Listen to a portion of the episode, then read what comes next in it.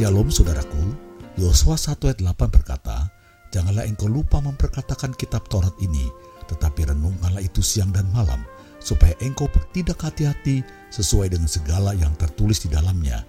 Sebab dengan demikian, perjalananmu akan berhasil dan engkau akan beruntung. Saudaraku, perkenanan Tuhan datang kepada mereka yang suka merenungkan firman Tuhan siang dan malam. Oleh karena itu, mari kita siapkan hati untuk kembali mendengarkan renungan firman-Nya. Tuhan Yesus memberkati.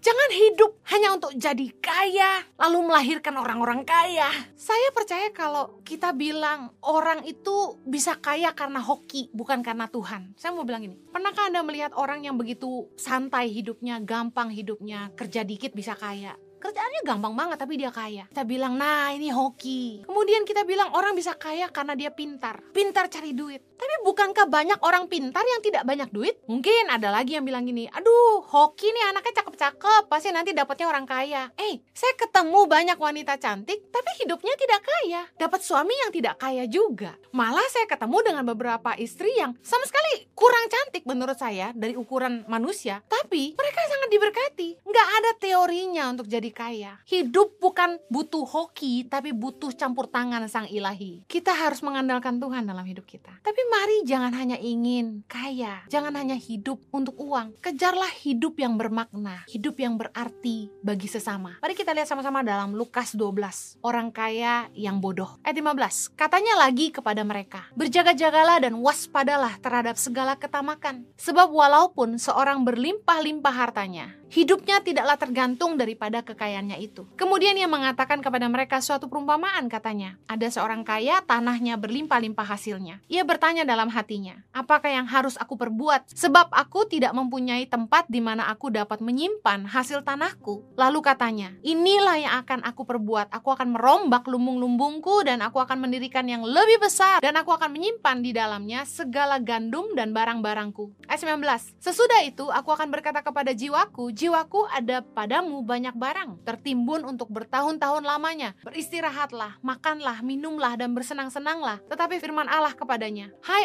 engkau orang bodoh, pada malam ini juga jiwamu akan diambil daripadamu. Dan apa yang telah kau sediakan? Untuk siapakah itu nanti? Demikianlah jadinya dengan orang yang mengumpulkan harta bagi dirinya sendiri jikalau ia tidak kaya di hadapan Allah. Menurut ukuran dunia, orang yang punya banyak itu orang kaya, tapi di mata Allah dia tidak kaya. Kenapa? Karena dia hanya hidup untuk dirinya sendiri. Dia hidup hanya memperkaya dirinya sendiri. Jangan hanya hidup untuk mengumpulkan harta duniawi. Lukas 9 ayat 25 berkata gini, apa gunanya seorang memperoleh seluruh dunia tetapi ia membinasakan dan merugikan dirinya sendiri? Pernahkah Anda saksikan hidup orang-orang kaya yang sia-sia? Hidupnya tidak bahagia. Makanya mereka cari hal-hal yang bisa membuat mereka bahagia dengan harta mereka. Kalau kita pikir harus punya banyak harta untuk bisa bahagia, lalu kenapa orang kaya pun cari kebahagiaan lewat harta mereka? Saya percaya kalau kita ingin bahagia, kita harus punya hidup yang berarti bagi sesama. Live for a good cause, not for applause. Hiduplah untuk sebuah tujuan, bukan hanya sekedar pengakuan. Hiduplah untuk sebuah tujuan yang baik, bukan sekedar mengejar nama baik. Lakukanlah yang benar, bukan untuk menjadi tenar. Hidup tuh menjadi berarti ketika kita bisa berkontribusi. Bagaimana seseorang dikatakan sukses adalah diukur dari seberapa banyak hidupnya membawa manfaat untuk hidup orang banyak. Hidup bukan untuk menjadi kaya, tapi untuk berkarya dan menjadi berguna bagi sesama. Masa Tuhan ciptain kita ke bumi ini hanya untuk jadi kaya untuk diri sendiri? Tuhan mau kita diberkati supaya kita jadi berkat. Saya ingin mengajak saudara untuk miliki mentalitas memberkati. Sukalah memberi. Kisah Rasul 20 ayat 34 berkata gini, Kamu sendiri tahu bahwa dengan tanganku sendiri aku telah bekerja untuk memenuhi keperluanku dan keperluan kawan-kawan seperjalananku. Dalam segala sesuatu telah kuberikan contoh kepada kamu bahwa dengan bekerja demikian, kita harus membantu orang-orang yang lemah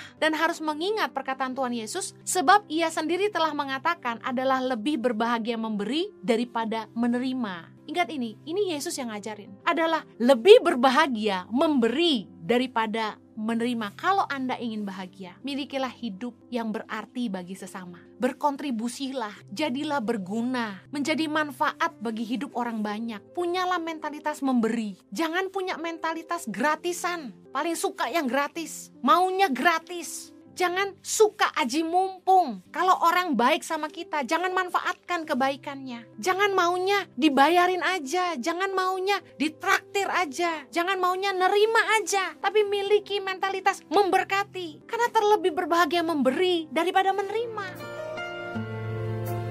Puji Tuhan, saudara yang dikasih Tuhan, saya percaya firman Tuhan menjadi berkat dan kekuatan buat saudara semua dan Roh Kudus akan memberikan pemahaman yang lebih dalam tentang kebenaran firman Tuhan. Tuhan Yesus memberkati saudara semua. Sampai jumpa dalam renungan yang berikutnya. Haleluya!